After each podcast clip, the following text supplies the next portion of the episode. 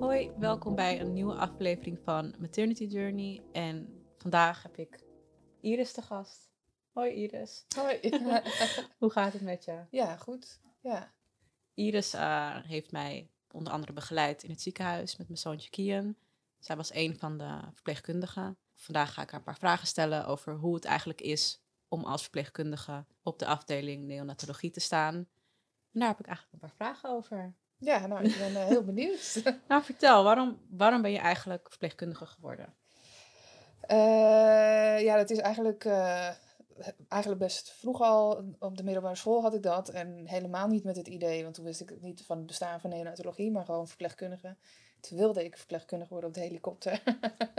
mm-hmm. Wilde dromen. Maar um, ja, dat, dat zat er echt al van jong in dat ik dat, dat ik dat graag wilde. En precies waarom weet ik niet zo goed. Maar, uh, het trok je gewoon heel erg ja, aan. Zeker, ja. ja. En hoe, wanneer heb je de keuze gemaakt voor neonatologie? Uh, nou, ik heb eigenlijk de HBOV uh, gedaan, uh, naar de HAVO. En dan moet je stage lopen op verschillende plekken. En daar kwam ik er eigenlijk wel achter dat ik alles wel leuk vind, vond. Waar ik bij het begin ook dacht van, oh nee, dat lijkt me helemaal niks, die afdeling. En als je er dan eenmaal was, dat het toch wel leuk was. En daarna ben ik ook best wel open gaan solliciteren. Mm-hmm. En toen ben ik terechtgekomen op de kraamobstetrie. Dus dat is uh, uh, zwangeren en, uh, nou ja, en, en, kraamvrouwen. En ehm, nou, dat contact met ouders en baby's vond ik wel heel leuk, maar dat bracht me niet de uitdaging. En zo ben ik uiteindelijk een beetje verder gegaan. Um, zo ben ik er een beetje ingerold, zeg maar. Ja. Toen ben je bij de neonatologie van AMC gekomen? Ja, toen heb ik nog een tussenstap gemaakt. Eerst de kinderafdeling. Ik zou de kinderaantekening gaan doen in het Amsteland. En uh, daar kwam ik toen en dat was... Ik was op zoek naar gewoon meer complexiteit en dat vond ik daar ook niet. En toen ben ik, uh, heb ik gesolliciteerd op de IC neonatologie in de VU. En daar ben ik aangenomen, heb ik mijn opleiding gedaan. En nou ja, zoals je weet zijn we natuurlijk later gefuseerd en zo zijn we in het AMC terechtgekomen. Welke opleidingen heb je allemaal gevolgd? Nou ja, de HBO-verpleegkunde. En uh, dat is niet noodzakelijk. om, uh, kan ook uh, gewoon als MBO. Kan ook als MBO, ja zeker. En daarna de IC neonatologie opleiding. En dat doe je eigenlijk intern. Je solliciteert op de baan en dan word je gewoon op de opleiding of op de afdeling word je opgeleid. En hoe lang duurt die opleiding? volgens mij uh, 18 maanden. En dan heb je 18 maanden duurt de opleiding en dan moet je nog een half jaar voorwerken. Dus dan gaan ze kijken eigenlijk of je een soort van geschikt bent om de opleiding te starten. En dan na een half jaar mag je starten met de opleiding. En dan loop je ook direct stage op de, op de afdeling, toch? Ja, het is niet echt stage lopen, want het is, je werkt eigenlijk gewoon. Want je verdient ja. natuurlijk ook gewoon je geld. Uh, je hebt niet stage en school en stage tegelijk, of school en werken tegelijk, zeg maar. Ja, dat is gewoon, gewoon werken, leren. En het kan dus ook zo, zo zijn dat op het moment. Uh, uh, je begint natuurlijk met laagcomplexe patiënten. En, maar het kan ook wel eens zijn, soms is het zo, zo druk. Dat ze dan zeggen van, nou ja, weet je, ehm, die patiëntencategorie kan je zonder begeleiding doen. dus dan doe je gewoon maar die patiënten, zodat verpleegkundigen, andere verpleegkundigen de complexe patiënten kunnen doen om het zo wat evenrediger te verdelen. En wat is laag complex en wat is wat intensiever? Ja, dat is uh, heel verschillend. We kunnen uh, een ziekenhuis waar baby's geboren uh, kunnen worden, moet je een soort van opvang hebben. Dus het kan ook gewoon een baby zijn die um, transitieproblemen heeft. Dus dat is eigenlijk een kind wat aterm geboren is. Dus dat is eigenlijk rond de uitgerekende datum. Um, die gewoon even iets ondersteuning nodig heeft bij de mhm. ademhaling. En dus meestal binnen 24 uur kunnen ze dan gewoon weer terug naar moeder. Of wat glucoseproblemen, dat soort uh, baby's. En dan ja, op het moment hoe jonger ze worden, hoe complexer ze vaak ook worden. Als ze, hoe jonger ze geboren worden. Mm -hmm. En uh, we hebben van, we kunnen natuurlijk de ademhaling ondersteunen, zoals je ook wel weet. Maar we kunnen ook de ademhaling helemaal overnemen. En hoe verder je dat intensiveert, hoe complexer het eigenlijk wordt. Ja, en hoe ziet een gemiddelde werkdag eruit? Dat kan natuurlijk, ja. dus elke dag is anders, ik weet het. Maar gemiddeld. Ja, ja, nou ja. we zeggen, ja, net zoals bijvoorbeeld mijn dag. Ik kwam binnen om kwart voor acht, denk ik. Ja, ja dat was Hoe meteen, krijgen jullie dat binnen? Qua computergegevens en... Ja, nee, er wordt uh, ochtends bij de indeling gezegd. Dat was natuurlijk, uh, je komt rauw op je dak. Omdat het bij jou natuurlijk allemaal heel snel ging. Dus daar kan je je niet op voorbereiden. Ja. Wij ook niet. En uh, ja, dan wordt, worden de patiënten weer herverdeeld. Omdat het gewoon best wel veel tijd kost om, om zo'n patiënt op te nemen. En ja, dan ga je gewoon. Want jij was bij mij, dat Ja, weet ik nog. ja. Jij stond de eerste dag op Kien, toch? Ja, Ik weet nog dat jullie, jij en nog andere collega legden hem bij mij voor het eerst. ja, ja, daar heb ik nog voor eh, gestreden om dat voor Oh, elkaar echt? te krijgen. Waarom? Eh, nou, ik, ik dat, omdat ik dat heel erg belangrijk vind. Mhm. En eh, er zijn natuurlijk meer dingen belangrijk, maar ik weet in praktijk hoe sommige dingen wel eens kunnen lopen. Want hij moest nog lijnen gaan krijgen, dus van die grote infusen. Eh, en dat kan soms best wel lang duren. En eh, ja, dan, dan komt het er soms niet meer van. Ik denk, dit is gewoon even iets wat nu moet gebeuren. En ja. ja, Ik weet nog dat ik heel bang was, want ik zei, jij zei van, eh, wil je hem anders even op je hebben? En toen zei ik van, nou nee, wat het, ik durf Ja. dat niet. En met al die, al die slangen en buizen en het is toch gevaarlijk, want dan komt hij uit die veilige warme couveuse. En ik vond dat Ja. Meer, ik wou het wel heel graag, maar ik vond het heel spannend en ik dacht, hoe dan? En nou ja, zo, jij zei nog tegen mij van, nee, joh, je, gaat- je gaat gewoon even met hem liggen. Jij stimuleerde mij daar inderdaad heel erg in. Ja. En ik dacht, oké, en dan ging je met die collega en dan echt met z'n twee zo'n klein ding. Ik dacht echt, oh, wat eng. En al die draden. En jij was zo comfortabel daarin. En zo, van, nou, Ja. dat doe ik maar even. En ik weet nog dat je laatst zei van, ja, dat jij dat meer, meer ervaring in hebt. Omdat ehm, die type beademing die hij had, was de intensieve beademing in het begin. ja. Eigenlijk wel de gehele tijd, wat, wat meer. Ik, was, ik ben heel erg voor de eh, ontwikkelingsgerichte zorg, noemen we dat. En ehm, eh, waar het dus heel belangrijk bij is dat je dat contact maakt met je kind. En ehm, eh, ja, daar probeer ik wel mezelf hard voor te maken. Ja, in, in te stimuleren. En wat ik jou ook vertelde, ben ik ook aan alle ouders verteld. Want alle ouders vinden het spannend en eng, het in, eng in het begin. Want ja, dat is natuurlijk geen normale situatie. Maar het is buiten dat het voor de band heel erg goed is, eh, is, het, is het voor alles goed. Het is uit onderzoeken gebleken dat het voor de neurologische uitkomst op latere termijn heel erg goed is. En vitale functies, vaak merkte hij ook op het moment dat je hem bij had. Dan kon je Gelijk zuurstof content, afdraaien. ja. En, eh, dus het is, het is echt voor alles is het, is het goed. En daarom probeer, je dat ook zoveel, probeer ik dat zoveel mogelijk te stimuleren. Ondanks dat het voor ons soms wel eens wat ongemakkelijk kan zijn. Mhm. Maar dat staat op een tweede plaats voor mij. Ja, jij bent Ja. echt puur, jouw focus is echt kind. om, om Ja, het kind, ja. om je patiënt. En wat is er iets wat jou eigenlijk altijd is bijgebleven? Een zaak of een dag? Nou ja, jij. Waarom? Nou ja, Neem me eh, mee. ja. nou, wij hadden toch wel eh, een, een, een bijzondere klik. Ik heb dat niet, ik heb dat niet eerder zo gehad ehm, eh, in mijn carrière.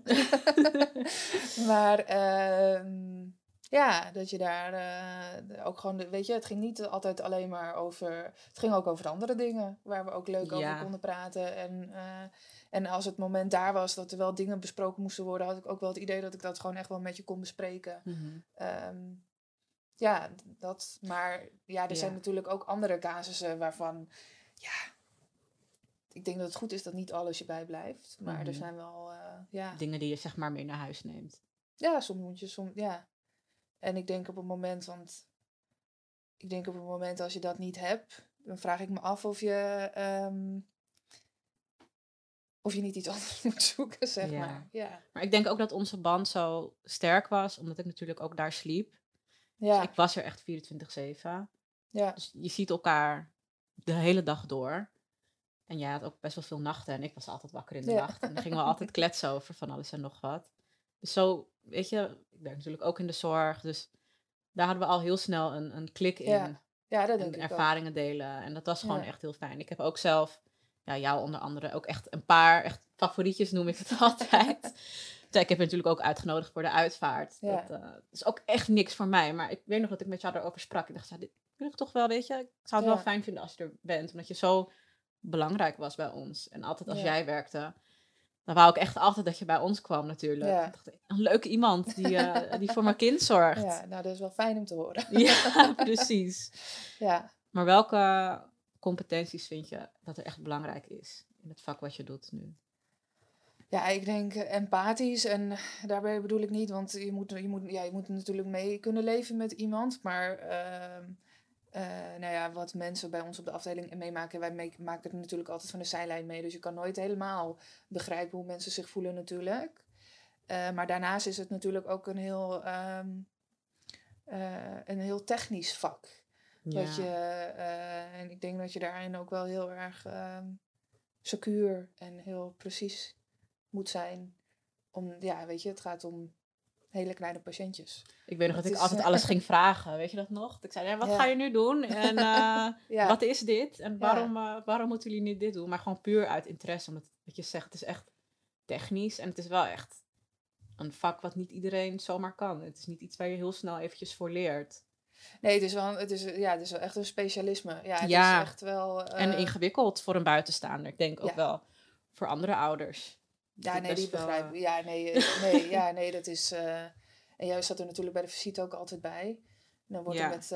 Maar op een gegeven moment niet meer hoor. Omdat ik dat dan, omdat te veel termen werden er besproken. De visite is eigenlijk, ja, dat doen jullie elke dag hè. In de Ja, ochtend ja. dan vertellen de artsen van, dit is skiën, die is hier al zoveel dagen. Dit zijn de punten, zo gaat het nu met hem. hoe vind jij dat het gaat? Ja, ja dat vond ik wel irritant. Elke dag te zeggen, en vooral als het niet zo goed gaat. Nee. Wat, is het, wat geeft jou het meest voldoening? Of waar, waar bedenk je echt van, ja, hier doe ik het voor?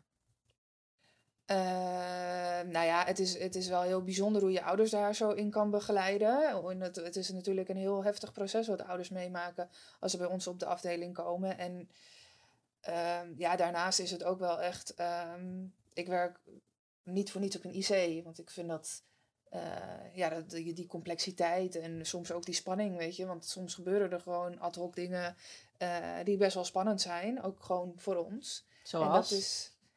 ehm, nou ja, kinderen van 24, 25 opnemen, dat is ook altijd wel even. Dat is best wel een uitdaging om dat eh, helemaal goed te gebeuren. Maar we hebben natuurlijk ook gewoon wel echt te maken met reanimaties. En Ja. ja. ja, weet je, als er dingen fout gaan, dan. ja, niet leuk dat het fout gaat, maar dat is wel gewoon die spanning die, je dan, die daarbij komt. En helemaal als je dat natuurlijk een goede afloop kan geven. En dat geeft jou dan wel voldoening als het dan zeg maar goed is in, in een moeilijke situatie iets behaalt, zeg maar. Ja, ja. Ja, dat je ook wel misschien een klein beetje het verschil op kunnen maken daarin. En wat zijn de dingen die je minder vindt aan je werk, wat je, waar, je last, waar je last van hebt of waar je tegenaan loopt? Ja, niet, eh, ik denk, nee, ik denk dat ik mijn vak op zich, het werk, dus de omgang met de ouders en, en, en de kinderen en eigenlijk het totale plaatje wat ik zet, dat ik dat gewoon eigenlijk allemaal wel heel erg leuk vind. Het is Mhm. meer denk ik de randvoorwaarden die af en toe, eh, ja weet je, het is, eh, je we- werkt in wisseldiensten. Dus daar horen weekenden, nachten, feestdagen en dat soort dingen bij. Dat zijn de dingen die ik het ehm bij mijn gezin, dat ik denk van ja, vind ik dat nog wel leuk, zeg maar. Moet ik niet iets anders gaan doen. Maar dat het werk zo leuk is, houdt me daar een beetje vast. En het Ja. overlijden? Eh, ja, dat zijn natuurlijk hele heftige momenten, maar dat zijn wel ook momenten waar je, waar je het verschil kan maken bij ouders. Door de manier in hoe je ouders daarin begeleidt. En we doen natuurlijk veel ehm, herinneringen maken en eh, eh, ja, we proberen zoveel mogelijk het te laten gaan zoals ouders dat willen. Ja. En eh, natuurlijk is dat heel verdrietig. Eh, maar het is wel mooi, mooi als je dat dan goed mooi, zou kunnen, mooi kan afronden voor ouders. En broertjes, zusjes. Jij was de nacht, ik weet nog zeg maar de nacht ervoor, had jij een nachtdienst, maar je stond toen op de andere afdeling. Ja, Maar ik weet wel nog dat je echt speciaal naar me toe kwam, vond ik ook heel lief. ja, En dat je toen zei van, eh, of nee, je had echt een collega gezegd van ja, ik bel me maar als ik moet komen. Zoiets had je gezegd. Of van, eh, nou ik ben boven en ja, als je nog even wil dat ik langskom, eh, kom dan maar. Want ik, dat, dan kom ik wel. Want het was een voor mij vreemde verpleegkundige. ja, En eerst dacht ik nog van, nou ja, ik ga je niet van je werk afhalen. maar toen was het nachts en toen zei ik van, nou ja, misschien kan je toch wel even Iris bellen. Dan kan ik even met haar babbelen. ja, En toen kwam je en je was eigenlijk heel chill. Lief ook. En jij gaf me nog advies. Ik weet nog dat ik aan jou vroeg van... Ja, moet ik begraven? Moet ik Ja. cremeren? Dat we daar best wel lang, lang gesprekken over hebben gehad. En eigenlijk over hoe nu. En dat we daar eigenlijk best wel lang over spraken. En dat je dus de nacht inging. En we wisten natuurlijk dat het de volgende ochtend zou gebeuren. En dat je toen ook zei van... Dat je, je zei nog laatst van ja, ik probeerde toen nog langs te komen, maar het is niet gelukt. Nee. Maar dat vond ik ook wel weer heel lief, dat je dan daaraan dacht. Ja, nee, natuurlijk. Uh, het is, het is, dat is, dat, ja, dat kan je niet zomaar uh, blokken, toch? Hoe, want hoe wordt zulk nieuws eigenlijk gedeeld op de afdeling? Van oké, jullie weten natuurlijk dat een kindje dat het misschien niet zo goed gaat, maar dat hij daadwerkelijk komt te overlijden. Hoe wordt dat verteld? Um, nou ja, we, we, weet je, dat zijn. Kian heeft natuurlijk een poos bij ons gelegen. Dus dat zijn wel gewoon patiënten die ook gewoon aan de koffietafel uh, besproken worden. Van hoe dat dan gaat en nou ja, op welk punt we zijn. Wordt dat echt dagelijks besproken? Uh, ja, meestal wel. Het is ook wel fijn om te weten van wat voor patiënten er op de afdeling liggen. Van als de collega die zeg maar, voor Kian zorgt er even niet is, dat iemand anders er natuurlijk gewoon over kan nemen. Mm -hmm. Ja, en hoe bespreken we dat dan? Ja, op een gegeven moment hoor, heb ik het natuurlijk gesprekken met jou gehad. En ben ik ook wel bij gesprekken geweest met de arts en uh, multidisciplinaire overleggen van uh, dat er eigenlijk niet zoveel meer, ja, dat, dat we niet zoveel meer konden doen en dat we zaten te wachten op de second opinion. Meestal gaat het gewoon, ja, het is niet iets heel concreets, maar het is wel dat je, ja, um, ja, ik weet niet hoe dat dan precies gaat. Delen de artsen dat met jullie? Van hij komt te overlijden of weet je de behandeling stopt? Ja, nou ja, ook, ook nou ja, op een gegeven moment wordt, wordt er natuurlijk wordt er besloten, ook in een, in een overleg met meerdere artsen bij elkaar, want dat wordt nooit door één arts wordt dat besloten, nee. uh, dat, het, dat een behandeling gestaakt wordt. En dan ga je gewoon het traject in van, nou ja, dat ga je, dat, dan ga je dat met, nou ja, in jouw geval met jou bespreken. Uh, en dan, dan wordt er een plan gemaakt. En er wordt wel ook ruimte voor gemaakt op de afdeling qua personeel. Want het is natuurlijk best wel wat begeleiding wat daarbij hoort. Mm -hmm. uh, dus wat, zo, ja, zo bespreken we dat ook van tevoren met een dienst, in een dienst met elkaar. Van, nou ja, dit en dit gaan wij vandaag doen. En zo gaat de dag er een beetje uitzien. Ja, klopt. Want ik merkte dat ik um, één verpleegkundige had. En die zei ook van, nee, ik sta vandaag alleen bij jou. En ja Weet je, dat ze niet nog andere patiënten, is dat het juiste? Ja. Noem je ja. het patiënten? Ja, dat ze niet nog andere patiënten had. En dat ze echt alleen maar constant naar mij kwam. En ja. natuurlijk de laatste dingen, de beademing ervan afhalen, de, de begeleiding erna, het wassen. Dus dat is standaard, dat jullie altijd één verpleegkundige hebben die dat doet. Ja, ja dat, dat is zeker uh, ons uitgangspunt. En weet je, de uitzonderingen daar gelaten natuurlijk. Uh, maar in principe uh, ben je als één verpleegkundige op één, uh, één patiënt dan. En hoe wordt er zeg maar voor gekozen van oké, okay, jij, jij bent bij deze, bij, bij, deze patiënt? Of hoe wordt die keuze gemaakt van jij, jij gaat dit vandaag doen bij deze patiënt? Is dat omdat je dat zelf aangeeft, dat je dat fijn vindt? Of? Nou, het is vaak wel, wordt er ook gekeken naar wie, wie, wie kent de patiënt. Het best zeker. ja, precies. En het kan natuurlijk ook soms zijn dat je als ehm, verpleegkundige je er niet goed bij voelt om dat te doen. Om wat voor reden dan ook. Dat kunnen heel veel verschillende redenen zijn. Uh, of dat, nou ja, dat ouders zich er niet fijn bij voelen dat die verpleegkundige... Dus als ik zou zeggen, nou, ik wil Iris er niet bij hebben, dan... Ja, nou ja, dan moet je dat, ja. moet je dat zeker kunnen aangeven. Ja, ja. nee, dat is natuurlijk ja. wel belangrijk. Ja. Ja. Want hoe was de eerste keer dat je zoiets deed? Heel heftig. Ja, ja. heel heftig. Als je het hebt over dingen die, die je dan bijgebleven zijn, is dat wel één ding die me bijgebleven is, ja. Ja, ja dat was, was, was meteen ook een hele bijzondere. En dat doe je dan wel vaak samen, hè? Met, uh, met, met je ouders. werk. Nee, ja, en met je werkbegeleider bereid je dat voor. Want op het moment dat je dat voor het eerst doet, dat hoort ook gewoon in de opleiding. Stervensbegeleiding noemen we dat dan. Um, ja, dat was heel heftig. Ja. Moest je zelf ook echt dat je geëmotioneerd werd of dat je even afstand moest nemen? Ja, ja. En dat zeg ik op het moment dat je daar geen emotie meer voor hebt, dan. Um, denk ik, weet ik niet of je daar nog op je plek zit.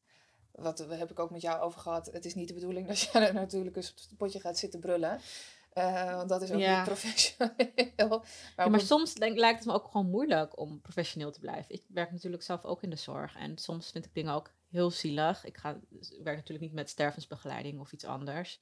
Maar ik weet nog dat ik wel één keer een cliënt die heel veel verdriet had dat ik ook, omdat hij heel hard ging huilen. En ik kreeg ook echt tranen. En ik dacht, oh, ik moet nu even weg. Want als, hij dat ziet, dan is het natuurlijk vreemd.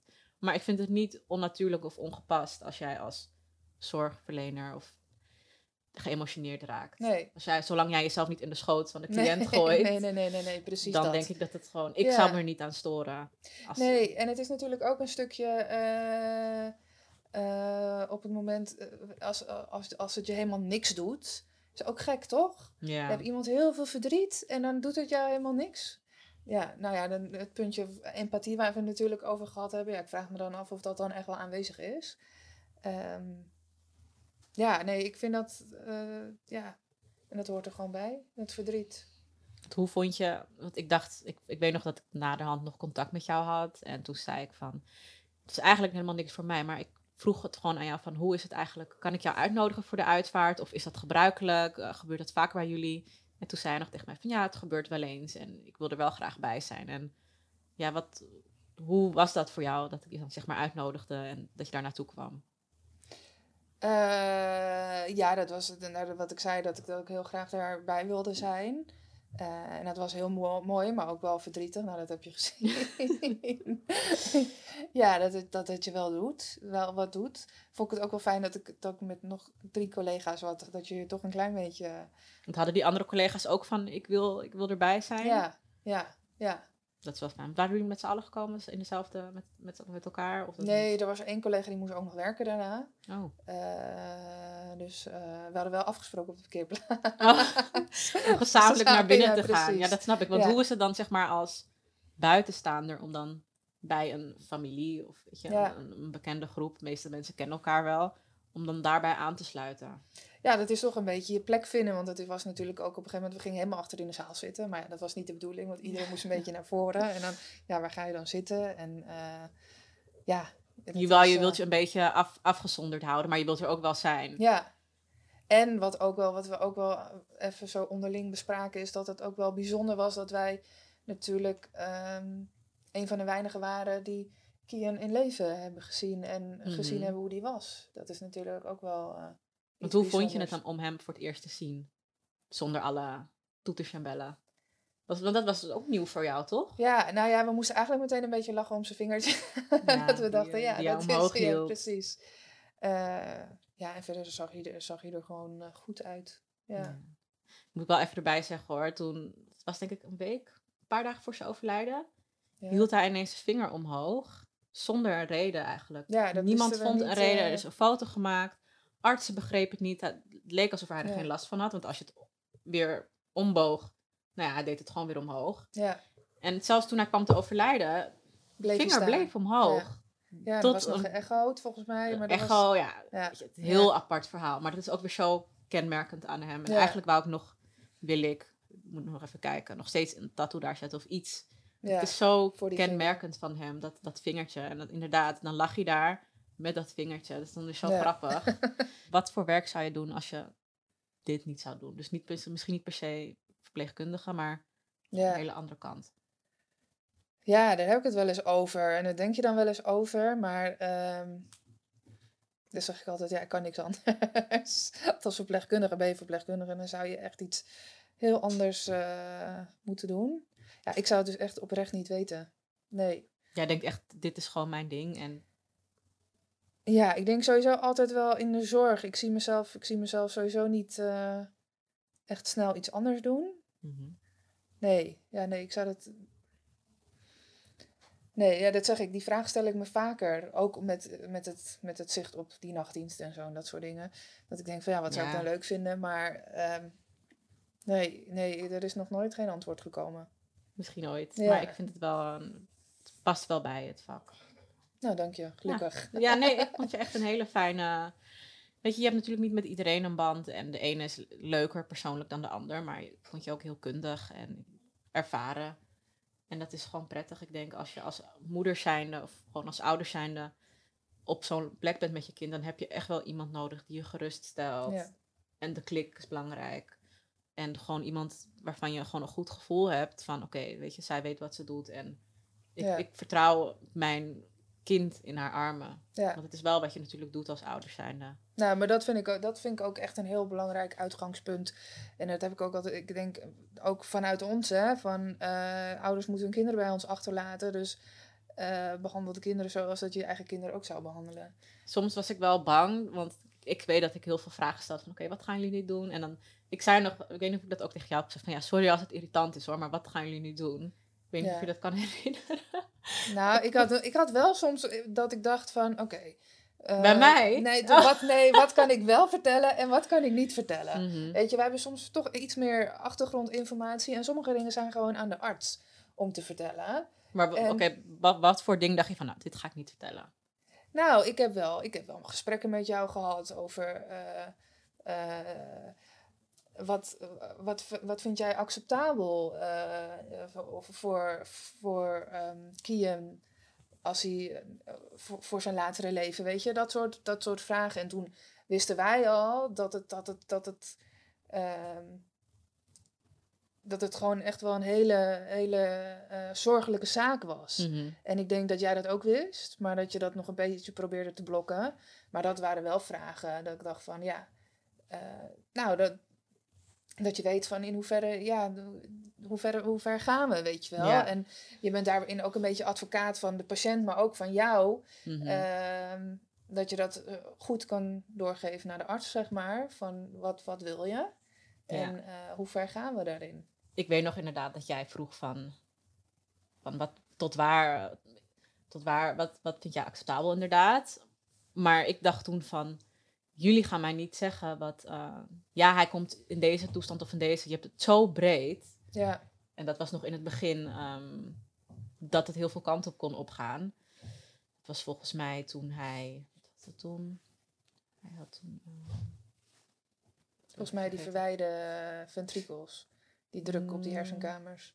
Iets daarvoor was er al iets. Nee, om het, om het, om het kastje Ja, daar hadden, we al een gesprek over. Ja, kan er iets aan overhouden. En dat kan dan verschillen van ADHD tot handicap, tot moeite met leren praten. Maar dan uiteindelijk wel. En volgens Ja. mij zei ik toen ook tegen jou van ja, maar dat vind ik te breed. ja, Het is niet Ja. omdat iemand misschien ADHD krijgt of niet, of in een rolstoel belandt. Dan ga ik niet zeggen nee, dan, dat is te veel voor mij. nee. Maar eigenlijk achteraf denk ik, ik had sowieso nooit zelf de keuze gemaakt om te stoppen nee. omdat je natuurlijk met je hoofd en je hart in een tweestrijd zit. En hij was ook op dat moment al een paar weken oud. Ja, En het is wel apart, want ik heb wel altijd voor mezelf gezegd en besloten van... mocht mijn kind een hele ernstige beperking hebben, dan weet ik niet of ik daarmee door wil gaan. Maar op het moment dat je zelf in die schoenen staat, ja. dan is het gewoon zo anders. En je wilt gewoon vechten voor je kind. En het Maar voelt dat is ook gewoon... de reden dat we dat niet... Dat is een onmenselijke keuze om dat aan ouders over te Ja. laten. Dat is niet... Dat, dat moet je niet... Want eh, elke kant op hebben ze altijd spijt op het moment dat zo'n beslissing genomen wordt door ouders zelf. En daarom is het aan ons om ook aan te geven van, nou ja, eh, met, met, met, met de wetenschap die we hebben, is het, is het geen kwaliteit van leven eigenlijk.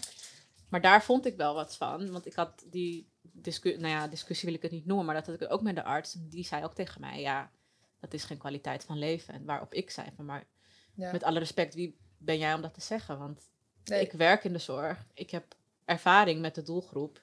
En sommige cliënten die vinden het hartstikke leuk om urenlang in hun rolstoel te zitten en muziekje te luisteren, want ze weten niet beter. Nee. En het klinkt heel hard en heel lullig, maar het is wel zo. En het zijn, Ja. dat kunnen de gelukkigste mensen van de wereld te zijn. Dus ik dacht van, ja, wie ben jij om te zeggen nee? Nee, dat, Weet dat, je? dat- maar dat is ook heel lastig. En het is natuurlijk een hele eh, kleine eh, eh, grens, hoe, hoe zeg je dat? Van eh, wat, wat kunnen wij ervan bepalen? En dat is ook waarom je een beetje uitvraagt van, eh, nou ja, wat is, wel, wat, wat, is, wa- wat is wel gewenst voor jou en wat is niet gewenst voor jou? En dat niet om dan te zeggen van, nou, dit is hoe we het eh, gaan doen. Of dit is jouw keus. Maar daarin moeten we, dat heb ik volgens mij, hoop ik, vaak genoeg gezegd, dat het iets is waar we samen naartoe werken. Ja, klopt. Jullie En- zijn wel, dat vond ik, vind ik nog steeds, jullie zijn wel heel erg in het samen. En ja. Wij vinden dit en hoe sta jij erin? En toen ik ook op het gegeven moment zei van dat ik een eh, second opinion wou, is dat wel ook gelijk voor me geregeld. ja. En ik gaf ook aan dat ik dat eigenlijk deed omdat ik gewoon alles wou doen. Ja, en, dat snapt dus ook. Ja, zeker. Ja. Maar ik had ook meer iets van, ik denk zelf persoonlijk dat ik nooit, het klinkt misschien egoïstisch, maar ik had het niet gekund om zelf te zeggen van Nee. jongens, stop maar dat dan is toch maar. onmenselijk om dat ook te doen. Het doet, Ja. het doet zoveel pijn. En ja, ik had het gewoon, wat ik zei, ik had al helemaal in mijn hoofd van oké, ik had me er al bij neergelegd van oké, weet je, hij zal waarschijnlijk gehandicapt zijn. En je draait gewoon de knop om. Ik dacht Ja. oké, ja dan maar, weet je. Ik dacht jullie zorg stop binnenkort. Ik ga er gewoon voor. Ik ga Ja. hem het beste leven ooit geven. En met mijn kennis die ik al heb en dan doe ik dat gewoon. En dan is dat gewoon hoe het is. En ik denk, als de arts, als de second opinion niet was geweest, dan was dat gewoon nu mijn leven. Ja. Dat weet ik gewoon zeker. Ik had, eh, en weet je, aan de achterkant dan zie je toch wel, de laatste dagen had hij ineens wel heel veel pijn. En, dus ik weet niet of ik het dan toen nog had doorgezet. Nee. Maar het is Hij inderdaad. begon op het eind ook gewoon uit zichzelf al op te geven. Hè? ja. Zag je dat zijn vitale parameters natuurlijk minder werden. Dat hij meer zuurstof nodig had, Mhm. en meer moeite nodig had om zichzelf warm te houden. En eh, dat zijn hartactie af en toe eh zakte. Ging alle kanten en, op, ja, ja. precies. De artsen waren Dus- zelf ook al bang. Dat, Dat hij het zou al- geven voordat wij... Ze zeiden ook van ja, Ja, ik weet nog dat ze tegen mij zeiden van liefst vandaag nog en anders morgen. Want anders zijn we bang dat wij moeten ingrijpen Ja. en dat er iets gaat gebeuren en dat hij dan ineens komt te overlijden. Dat is natuurlijk niet comfortabel voor hem. nee. nee, en dat je in een acute situatie terechtkomt. En het is natuurlijk het mooiste dat hij gewoon lekker bij jou heeft gelegen. Mhm. eh, op het moment dat, dat het moment daar was. In plaats van dat dat in een couveuse gebeurt. Of dat jullie moeten reanimeren en dat het hartje dan eh, ja. ineens stopt. En welke adviezen zou jij aan anderen willen geven die nu kijken of luisteren en denken: hé, hey, ik wil dit werk ook doen? ja, nou, ik denk dat het, dat het, dat het een heel mooi beroep is. En eh, eh, ja, dat het belangrijk is. Nou ja, eigenlijk de punten die we besproken hebben. Dat je, dat je eh, goed met ouders om kan gaan. En, eh, en dat kan je ook leren, hè? Want niet, dat, is, dat is niet iets wat je per se meteen direct kan. Maar dat je kritisch bent en dat je voor je patiënt opkomt. En ehm, De, de baby's bedoel je toch? ja, ja, ja, patiënt, ja, ja. Niet voor ons. ja, en daarbij eh, is het ook wel een, een, een, een, kan het soms wel een beetje een harde wereld zijn om, eh, om in door te dringen. Want het, ehm, het blijft wel een intensive care, dan moet je toch wel een beetje Ja. haar op je tanden hebben. Eh, maar als je er eenmaal bent, is het een heel mooi beroep. Wordt, iemand, worden jullie daarin begeleid? Want je zegt dat leer je, de ervaringen. Met bijvoorbeeld de ouders en de omgang en misschien de gesprekstechnieken. Word je daar wel in ondersteund genoeg? Naar jouw mening? Ehm, nou ja, de gesprekstechnieken en zo, dat leer je wel echt vooral op de HBO, zeg maar. Of het MBO denk ik ook wel eigenlijk. Ehm, maar ja, dat is, dat, het is gewoon aldoende leert men. En het is ook wel veel eh, dat je met z'n tweeën verzorgt. En dat, je met, en dat je na het eind van de dienst ook wel gewoon terugkoppeling krijgt van hoe iets gegaan was. Dit dat bespreken jullie wel Ja, constant. ja, ja dat eh, proberen we wel in ieder geval. Eh, Vragen jullie dat ja. af? Hoe de ouders het vinden? Natuurlijk niet de hoofdzaak, maar zitten jullie daar wel mee van denken, oh, zij is zo en zij is zo. Nou, dat is natuurlijk wel iets waar we heel erg mee bezig zijn. We zijn natuurlijk gefuseerd. En eh, wij komen eigenlijk vanuit het AMC en het VUMC komen we allebei van zaalverpleging af. Ja. En dat houdt dus in dat er gewoon op een zaal, er staat een balie en er staan allemaal couveuses. ja, dus dan is het niet met rij. het blijven slapen wat ik deed. nee, zeker niet. Nee, dat was niet blijven slapen. Nee, je was wel 24 uur per dag welkom. Eh, dus je had in principe, toen hadden we tuinstoelen. Had je in een tuinstoel mogen slapen, liever niet. Maar, eh, Maar vonden jullie dat, vonden jullie dat vervelend dat ik er altijd was? Ik was 24-7. Ja. eh, ja, Ongemakkelijk. nee, nee, nee, ja, ik vond het, nee, ik vond het helemaal niet vervelend. En ik, dat is, ligt er natuurlijk denk ik ook een klein beetje aan eh, wie het is. Maar ik denk dat het... Ik probeer me dan altijd in mezelf te verplaatsen. Als mijn kind daar zou liggen, was ik ook niet weggegaan. Dat zei je ook tegen Ja. mij. Je zei, je zei wel Ja. altijd tegen mij, want ik, iedereen zei dat elke dag tegen mij. Ja. Hè, van nou, ga eens naar huis. Of Ja. nou, niet ga eens naar huis, maar hey, zou je niet weet je, Zo'n voorzichtig proberen? Ja. Zou je niet een beetje een nachtje thuis slapen? Dan kom je morgenochtend als je wakker bent. En jij zei dat elke keer tegen mij. Het zei ik van nee, sorry, ik, ik ga echt niet weg hoor. Het zei je nog, ik zei het gewoon lachend tegen. Het zei je van nee, ik zou het ook niet doen, eerlijk Nee. gezegd. Nee. Nee, dat, dat zou ik ook niet doen. Dus ik snap dat helemaal. En dat is wel mooi dat, dat, dat we daar natuurlijk nu de ruimte voor hebben. Dat we dat ouders kunnen bieden. Hoe oncomfortabel het soms ook kan zijn. Die mogelijkheid is er wel. Eh, en dat is natuurlijk ook de manier van zorg die wij proberen te leveren. Dat zeggen ze dan family, fam- family integrated care. Mhm. Dus dat we ja, gewoon de familie samen willen brengen. En ehm, dat we eigenlijk een soort van te gast komen. In Eh, ons huis. Ja, Want was het voor jullie, voor jou dan, of voor jullie ongemakkelijk dat ik bijvoorbeeld daar constant lag te slapen? Of Nee, nee, het is voor ons natuurlijk wel wennen, eh, en, omdat het een hele nieuwe situatie is. En soms heb je wel eens, ja, dan ligt er iemand te slapen en denk je, moet ik dan wel het licht aan, moet ik dan niet het licht aan doen? Maar ja, aan de andere kant is het gewoon het belangrijkste dat je je patiënt goed kan zien, dus de baby's. Eh, Dus dan maar het licht aan. En als moeder daar wakker van wordt, ja, dat is dan jammer, daar Ja. gaat het dan even niet om. Eh, maar dat is soms wel een soort van ongemakkelijk. Dat je veel goed moet vinden van wat daar precies, ja, hoe je daar precies mee omgaat. Blijven veel ouders slapen? Weinig. Ja, weinig. En helemaal niet elke dag. ik was niet weg te slaan, hè. Ik dacht, eh, Nee. ik moet alles zien. Ja, nee. Ik weet nog dat jij ook tegen mij zei van, ja, dat hou je echt eh, max twee weken vol, nog niet eens. Ja. En ik dacht, nou, eh, watch me. Ja. Dat zelfs die artsen kwamen van, eh poeh, nou, ben je al een dagje naar huis geweest? Nee. Ik geloof er echt heilig in. slippertjes. Ja, die crocs, vreselijk. Ik geloof er echt heilig Ja. in dat ik tot, tot de max was gebleven. Ja. Nou, dat geloof ik ook wel. Ja. Ja, zeker weten. Ik dacht echt, eh, ik had al helemaal breed van, oké, zoveel weken. Ik had wel Ja. voor mezelf dan besloten van, mocht hij iets stabieler zijn, dan zou ik misschien wel werken een half dagje. Maar ik zou niet thuis slapen, denk ik. Nee. Weet je dat ik misschien wegga overdag een paar uurtjes, maar ik dacht, eh, slapen moet. Ja. Ja. voelde voor mij echt als in de steek laten. En ik vond het ook heel fijn dat die optie er was. En ik had lekker mijn koelkastje daar, met weet Ja. je, alles. Ja. Nee, mijn ja. mijn was- badkamertje. en- soms was als wel ik- een kamer ja, en als ik ging douchen, dan kon ik ook altijd spieken als ik dan een piepje hoorde. Dus het was gewoon heel fijn. Het is gewoon heel fijn om zo dicht bij je kind te zijn. Ja. En heb je het ook als veilig ervaren op zo'n kamer apart?